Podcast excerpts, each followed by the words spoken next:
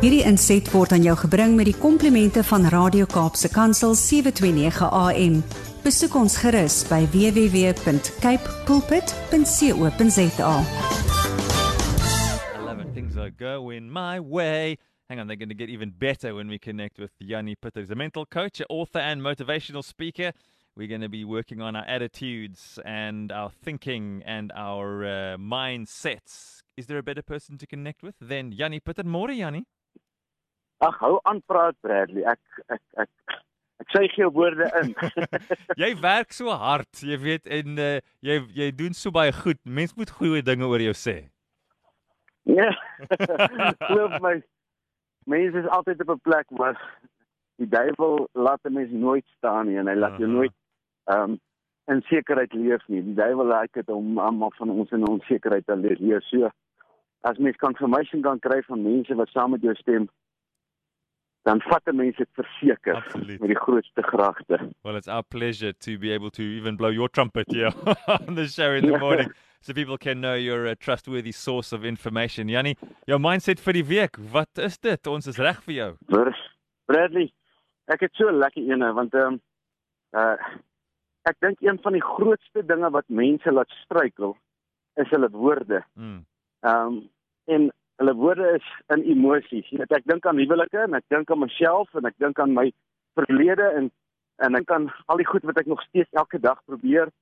Hoeveel keer is ons eerste woorde ons emosies? En Mhm. ons emosies is so rou en koel en jy's teleurgesteld, jy's kwaad of jy's bang of iets van die aard en onmiddellik spreek jy daai gevoel en die oomblik wat jy dit gespreek het, dan s'ie koel deur die kerk. Ehm um, letterlik dan s'ie koel deur die kerk want dan beteken dit jou geloof is daarmee heen en jy het in realiteit gepraat. Nou ek het nou 'n klomp woorde hier gesê en sommige mense sê nou goeie sê wat bedoel jy Jannie waarvan praat jy en sê ek Wat is die eerste woorde wat ons kies om te sê wanneer daar iets met ons gebeur of wanneer jy iets hoor?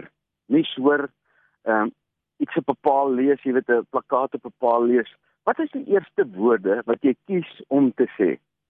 En ek het net ek en my vrou doen dit verskriklik baie want in my werk alles gaan daaroor. Wat kom uit iemand se mond uit? Ja. Want ek kan nie jou gedagtes lees nie, ek ken nie jou hart nie. So ek vra jou gedagtes om dit in woorde om te sit en wanneer jy praat, dan sê dit vir my wat in jou hart aan die gang is. En hoeveel van ons se eerste woorde is realiteit? Dit beteken jy sien iets, dan sê jy dit. En daai oomblik wanneer jy dit spreek, dis letterlik amper asof jy 'n byl vat en jy kap ehm um, die possibility, die die moontlikheid van geloof mors af, want jy het onmiddellik realiteit gespreek. Nou vir oggend wil ek almal uitdag, elkeen wat luister. As ons kan leer, Jakobus dink ek skryf Paulus baie duidelik. Hy sê as as jy jou tong kan beheer, as jy jou tong in toom kan hou, dan is jy soos die kaptein van 'n groot groot skip wat die stuur in sy hand het en daai skip stuur net waar hy wil. Nou as ons ons uh gedagtes kan laat gaan na hierdie plek toe. Hmm. Ek tel my woorde. Dit beteken voordat jy praat, dink wat jy sê.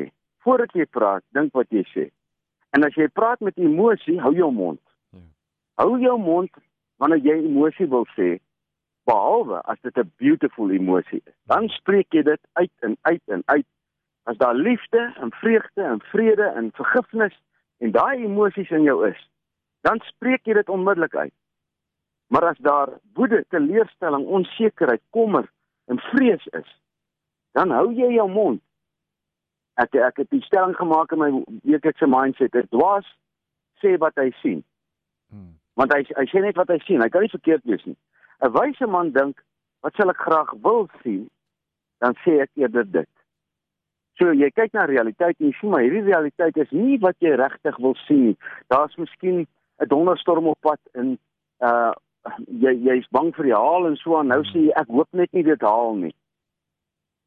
In plaas van daarvan om te sê ek vertrou hierdie wolke gaan verbygaan teen 'n snelle spoed en niks gaan hier op ons uh, uh, uh, tref nie. Verstaan, dis so klein verskilletjie tussen vrees en geloof. Ja. Dis dis am, amper soos 'n haarbreedte. Vrees en geloof is twee goed wat so naby aan mekaar lê. Maar die meeste mense verstaan nie dat die oomblik as ek in vrees praat of onsekerheid praat, dan het ek die koel deur die kerk, dan ek letterlik dit afgesny om geloof te want jy gaan onmiddellik sien toe. So vir hierdie week wil ek almal uitdaag. Kies jou eerste woorde met wysheid. Die oomblik wanneer jy besluit om iets te sê en ek gaan nou hierdie is nou regtig iets wat ek deesdae baie baie goed besef is. Hmm. Maak 'n grap. Leer om grappies te maak want die meeste van ons is te bang om dit in in in erns te sê. Jy weet, om in geloof en erns te praat. Want dit klink so on onrealisties. Ek praat nou in geloof en erns, maar so onrealisties. As hierdie storm gaan verbygaan. Ehm um, en dan gaan niks ons te bome tref en ons gaan gekapper word. Maak 'n joke. Jy's welkom om 'n joke te maak. Want daai joke wat jy maak, daai grappie wat jy maak, is eintlik wat ons hoop. Ek het eendag het iemand ons uh, vir my gesê hierdie woorde, dit is so so toepaslik op ons mense mm. is most people's hope is disguised as jokes because they're afraid to be ridiculed by reality. Wow. So most people's hopes are disguised as jokes because they're afraid to be ridiculed by reality. Nou dis realiteit. Realiteit is dis waar Satan heers, dis evil. So realiteit wil graag vir jou lag wanneer jy in geloof praat. Daarom praat die meeste mense nie geloof nie. En as hulle in geloof maar praat, dan maak hulle dit maar af asof dit 'n grappie is. Nou ek wil vir jou sê, dis alraai. Jy kan maar maak asof dit 'n grappie is, maar ten minste praat jy daai woorde. Hmm. En daai woorde as hulle uit is, dan gebeur daar iets in jou geestelike wêreld waar, waar jy daai daai woorde gespreek het. So my uitdaging vir die mense hierdie week is kies jou eerste woorde met wysheid. En as jy dit slim kies, jy kan maar 'n grappie maak ook.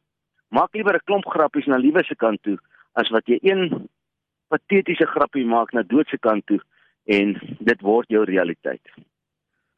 So daar's my gedagte vir die week uit in vleis uit my mond uit uit my hart uit gedeel met Kaapse Kansel se mense.